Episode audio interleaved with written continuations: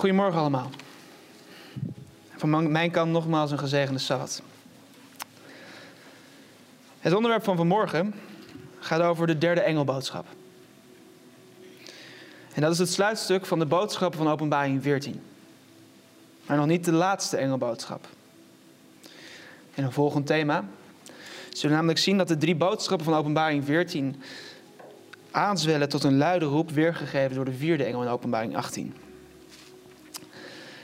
Als zevende dagsadventisten hebben wij een bijzondere aandacht voor deze vier boodschappen. De eerste engelboodschap is voor ons relevant in verbinding met de heiligdomsleer en het onderzoekend oordeel. De tweede engelboodschap laat ons zien dat Satan altijd zijn best heeft gedaan om Gods gemeente te kapen. Maar dat God altijd een trouw overblijfsel zal hebben op aarde tot het einde toe. Ook al zit dat overblijfsel soms op de verkeerde plek.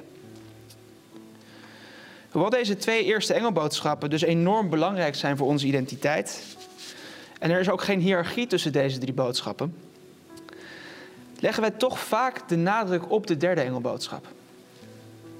Hoe komt dat? Om dat te begrijpen, moeten we eerst stilstaan bij wat, we, wat Petrus de tegenwoordige waarheid noemt. Het is een begrip dat wij ook vaker gebruiken. We noemen het, we, zijn, we leven in de tegenwoordige waarheid. En dat begrip is ontleend aan 2 Petrus 1, vers 12. Daarom zal ik niet verzuimen u altijd daarvan te vermanen, hoewel gij het weet en in de tegenwoordige waarheid versterkt zijt. Het begrip tegenwoordige waarheid kan ook vertaald worden als de waarheid die onder u aanwezig is. Het is de waarheid waarin de lezers van deze brief van Petrus onderwezen waren. De waarheid die zij kenden. Het is de waarheid die God voor die tijd aan de gemeente heeft geopenbaard. De tegenwoordige waarheid is in andere woorden het deel van de evangelie-waarheid die een bijzondere waarde heeft voor een bepaalde tijd in de wereldgeschiedenis. Zoals de tegenwoordige waarheid in de tijd van Noach, de komende zondvloed die de wereld zou vernietigen en de redding die iedereen zou hebben die in de ark stapte. Voor Nineveh klonk door de mond van Jona de tegenwoordige waarheid dat God de stad zou vernietigen als het volk zich niet zou bekeren. En dat was voor hen de tegenwoordige waarheid. Het onderdeel van de evangeliewaarheid die op dat moment van bijzonder belang was voor die mensen. Ook vandaag heeft God een tegenwoordige waarheid voor zijn volk. Wij geloven dat het deel van de evangeliewaarheid dat in het bijzonder relevant is voor deze tijd, de boodschappen zijn van de drie engelen, van openbaring 14 en de luide roep van openbaring 18. Zoals ik in het thema over de eerste engelboodschappen heb verteld, ligt in het hart van deze engelboodschappen het principe dat de mens alleen door de genade van Jezus zalig kan worden. Daarom zag Johannes de eerste engel hoog aan de hemel vliegen met het eeuwige evangelie. God maakt ons daarmee duidelijk dat je de drie engelboodschap niet kan bestuderen zonder het eeuwige evangelie in het achterhoofd te houden. Maar dat maakt deze boodschappen niet uniek. Het eeuwige evangelie is immers de rode draad door de hele Bijbel heen. Wat deze drie boodschappen uniek maakt, is dat ze zijn gegeven om Gods volk voor te bereiden op de wederkomst van Jezus. En de grote misleidingen van Satan die daaraan vooraf gaan. Maar ik heb nog niet uitgelegd waarom wij er nou toe neigen om vooral de nadruk te leggen op de derde engelboodschap. Meer dan de eerste twee. De reden hiervoor is dat de derde engelboodschap misschien wel het meest urgente is van alle drie. Het vormt misschien wel het meest urgente onderdeel van de tegenwoordige waarheid in de drie engelenboodschap. De boodschap van de derde engel is namelijk een verzegelingsboodschap. Deze boodschap dwingt iedereen om een keuze te maken. Of voor het kamp van God, of voor het kamp van Satan. Tijd om die derde engelboodschap zelf onder de loep te nemen. Ik lees Openbaring 14, vers 9 tot 11. En een derde engel volgde hen, die met een luide stem zei: Als iemand het beest en zijn beeld aanbidt en het merkteken op zijn voorhoofd of op zijn hand ontvangt, dan zal hij ook drinken van de wijn van de toorn van God, die onvermengd is ingeschonken in de drinkbeker van zijn toorn. En gepijnigd worden in het vuur en zwavel voor het oog van de heilige engelen en van het lam. En de rook van hun pijniging stijgt op tot in alle eeuwigheid. En zij die het beeld en zijn beest aanbidden, hebben dag en nacht geen rust. Evenmin als iemand die het merkteken van zijn naam ontvangt.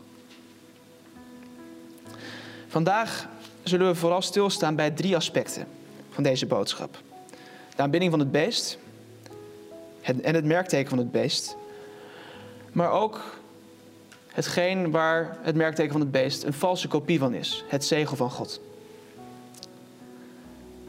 Concreet zijn er dan vier vragen om te beantwoorden. Wie of wat is het beest? Wat is het merkteken van het beest? En wat is het zegel van God? En wat betekent dit voor ons? We staan stil bij de eerste vraag. Wie of wat is het beest? En ik weet dat dit voor oude rotte adventisten in het vak gesneden koek is. Maar het kan geen kwaad om dit zorgvuldig nog een keer na te gaan. Het beest dat Johannes in de derde engelboodschap hoort, waarover hij wordt gesproken hoort, is hetzelfde beest dat hij eerder zag in openbaring 13. De Bijbel is geschreven zonder hoofdstukindeling. Het loopt in één keer door. Dus voordat Johannes die de engelboodschap hoorde, zag hij eerst hoe een merkwaardig beest opkwam uit de zee. De meeste Adventisten zullen direct kunnen benoemen wie of wat dit beest is, zoals ik net ook al zei. Maar het kan geen kwaad om zorgvuldig te gaan kijken naar de verschillende eigenschappen van dit beest en waarom dit zo is. Johannes ziet in Openbaring 13 hoe het beest opkomt uit de zee. Nou, ik verklap al in wat die zee is. Openbaring 17, vers 7 zegt dat het volken, talen en naties zijn. Het beest komt op in een gebied waar veel mensen wonen. Het beest heeft zeven koppen en tien hoorns. Op elke hoorn heeft het beest een koninklijke kroon of een diadeem. En op elk hoofd een godslastelijke naam. Johannes ziet verder dat het beest lijkt op een luipaard. Hij heeft de poten van een beer en de mel van een leeuw. Daarmee heeft het beest de eigenschappen van de vier dieren van Daniel hoofdstuk 7. Maar dan in omgekeerde volgorde. Hij ziet eerst de tien hoornen. Daarna ziet hij dat het beest lijkt op een luipaard. Vervolgens ziet hij dat het poten heeft als een beer. En als laatste ziet hij dat het een mel heeft van een leeuw. Terwijl Daniel dit visioen kreeg in de periode van het eerste dier, Babylon de leeuw, zag Johannes zijn visioen in de periode van het laatste dier. De heerschappij van het heidens en later pauselijk Rome. Daniel keek vooruit in de toekomst. Johannes keek terug naar het verleden. In de geschiedenis. En hij ziet dat dit beest van Openbaring 13 een geestelijke nakomeling is van de dieren uit Daniel hoofdstuk 7. Vervolgens beschrijft Johannes dat het beest zijn macht ontleent aan de draak, aan Satan zelf. Maar op een bepaald moment lijkt het beest te gaan wankelen. Een van de hoofden raakt dodelijk gewond. Maar op een wonderbaarlijke manier geneest de dodelijke wond en de hele aarde gaat het beest daarna met verwondering achterna. De laatste eigenschappen die Johannes bespreekt is dat het beest gedurende 42 maanden, of 1260 dagen, godslasteringen spreekt en de macht krijgt om oorlog te voeren tegen Gods heiligen. En uiteindelijk zal dit beest macht uitoefenen over de gehele aarde. Als we al deze eigenschappen naast elkaar leggen, dan is er maar één entiteit op wie ze allemaal van toepassing zijn. We zien een beest dat opkomt uit een bewoonde wereld en voortbouwt op de macht van, het van de vier dieren uit Daniel 7. Concreet is het beest, de macht van het beest dus gegrondvest op de ruïnes van het heidens Rome. Het beest heeft zeven hoofden met een godslastelijke naam. Een gelijkenis met het beest waarop Babylon de grote hoer rijdt in openbaring hoofdstuk 17. En daar verklaart de engel over de zeven hoofden dat het de zeven heuvels zijn waarop de stad staat. In andere woorden, het gaat om de stad Rome, de stad van de zeven heuvels. De macht van het pausdom is gebouwd op de ruïnes van het heidens Rome. Na de val van het Romeinse Rijk in de vijfde eeuw was er een machtsvacuum ontstaan. En in het begin was de wereldlijke macht van de paus begrensd. Maar onder de Byzantijnse en ook de geestelijke macht overigens. De paus was niet altijd de de baas in de katholieke kerk. Maar onder de Byzantijnse keizer Justinianus kreeg de paus een dominante positie in de kerk. En door de verdrijving van de heidense oostgoten uit Rome door zijn generaal Belisarius in 538 kreeg de paus ook steeds meer wereldlijke macht. Maar nog steeds was hij ondergeschikt aan wereldse machthebbers. In een rap tempo werd de macht van de paus echter steeds groter. En uiteindelijk verhief hij zichzelf boven andere wereldse machthebbers. Het volgende schilderij geeft dat goed weer. Dit schilderij laat de koning van keizer Karel de Grote zien in 800 na Christus. Op 25 december 800, gisteren precies 1220 jaar geleden. De keizer kroont niet zichzelf. Hij wordt gekroond door de paus. Hoewel dat misschien een klein detail lijkt, is het wel van groot belang.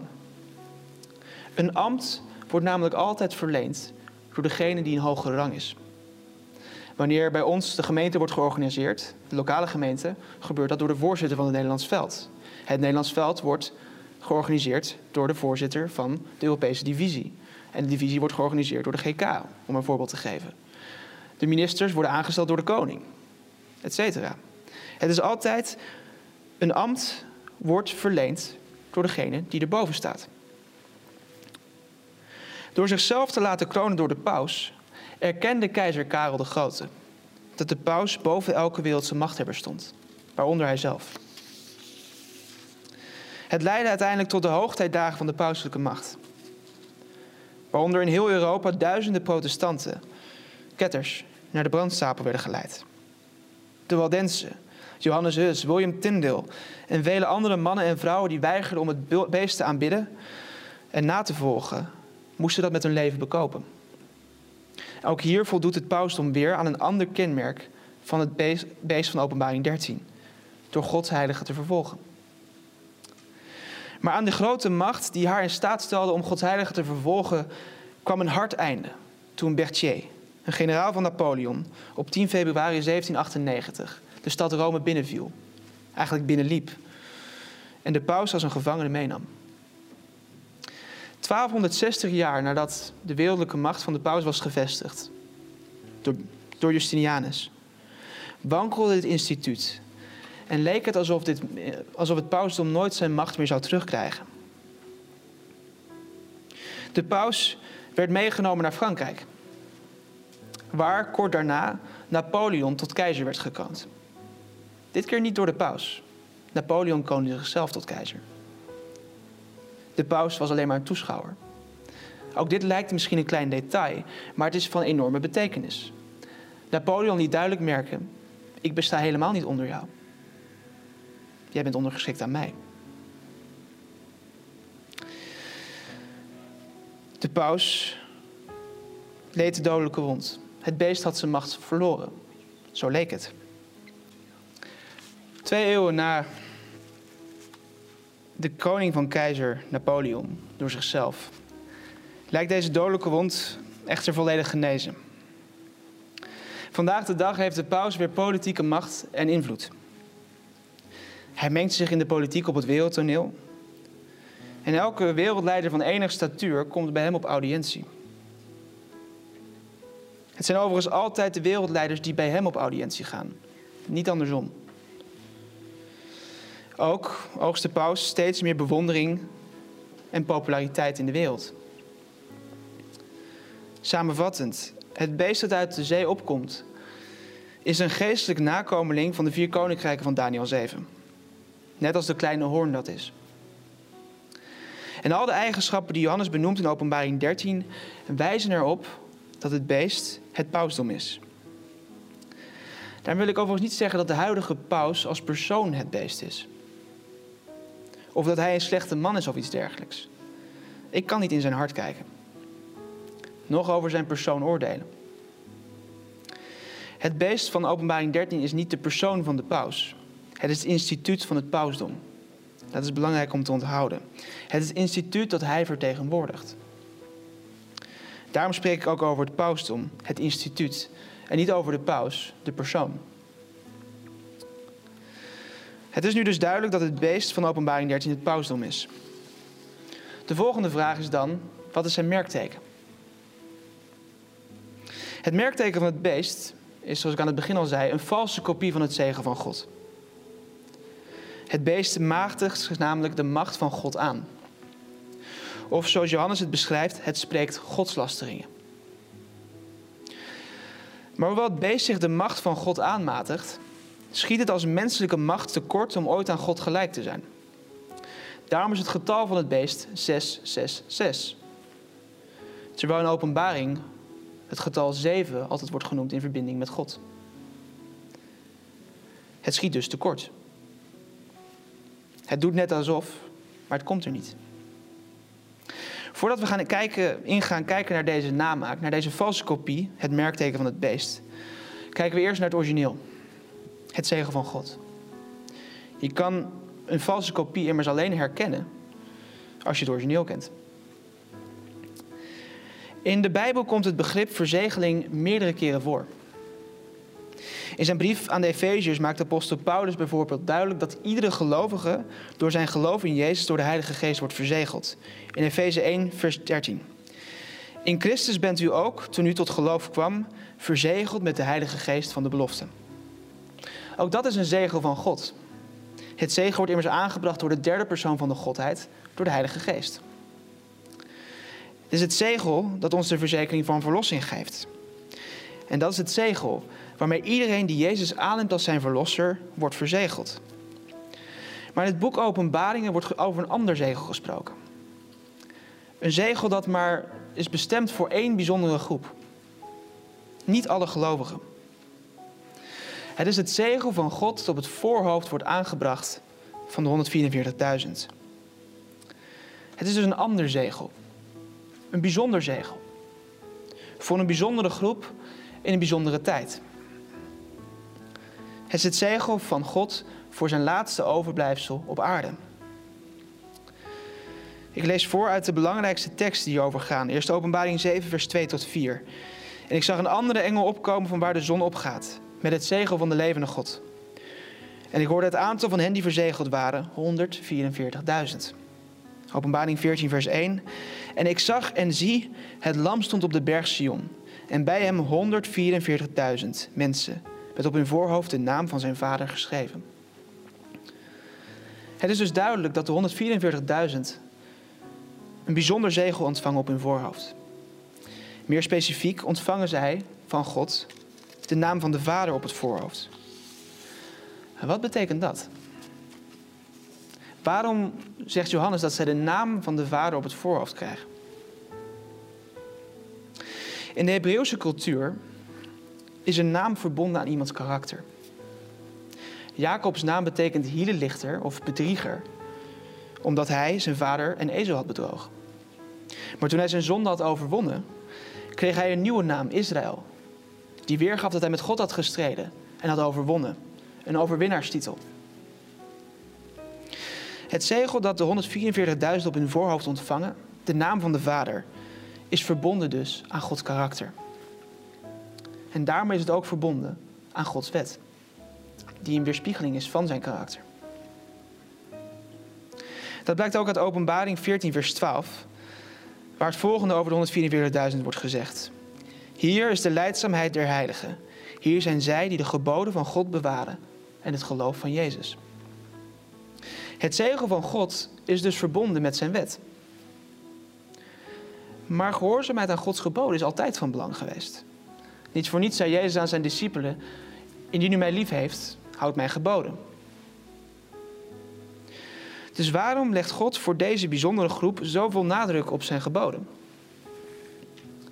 Bij mijn inleiding van deze tweede uren vertelde ik dat de derde engelboodschap niet echt begrepen kan worden, los van het begrip tegenwoordige waarheid. Het zegel van God vormt namelijk een speciale boodschap voor deze speciale groep aan het einde van de wereldgeschiedenis. Het gaat hier om het herstel van Gods wet. Het houden van alle geboden van God. Want als je de meeste christenen vraagt, vinden ze allemaal dat negen van de tien geboden nog steeds gelden. Geen enkele oprechte christen denkt dat het geen zonde is om Gods naam ijdel te gebruiken. of andere goden te aanbidden.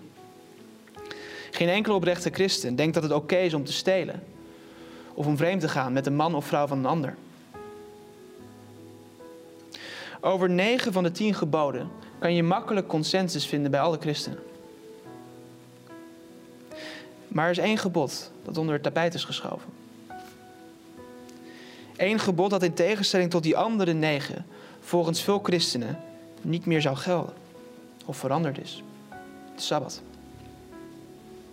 En het is opmerkelijk dat juist een gebod dat begint met gedenk of herinner, juist door zoveel christenen is vergeten. Maar de Sabbat is een eeuwige inzetting. Die al bestond voor de zondeval. Voordat het verlossingsplan in werking trad. En daarom ook nooit niets kan zijn gedaan toen het verlossingsplan is vervuld door Jezus. De Sabbat zal tot in eeuwigheid blijven bestaan. Het is namelijk het gedenkteken. Een monument van Gods scheppingsmacht. Het is het teken, het zegel van Gods autoriteit als schepper van hemel en aarde. Het is de Sabbat. Het is de Sabbat dat het teken is, het zegel van God. Een zegel heeft altijd drie onderdelen. De naam van de persoon, diens ambt of titel en het territorium of rijksgebied van die persoon, dat onder zijn of haar macht valt. Op het zegel waarmee Jezus graf werd verzegeld, stond het zegel van Pontius Pilatus. En daarop stond Pontius Pilatus, zijn naam, gouverneur, zijn ambt en titel, Judea, het territorium van zijn macht.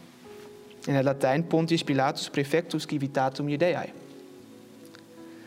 Met dit in gedachten, en ook in gedachten dat het zegel van Gods verbonden is aan het houden van zijn wet, is het niet moeilijk om in te zien waarom de Sabbat het zegel van God is.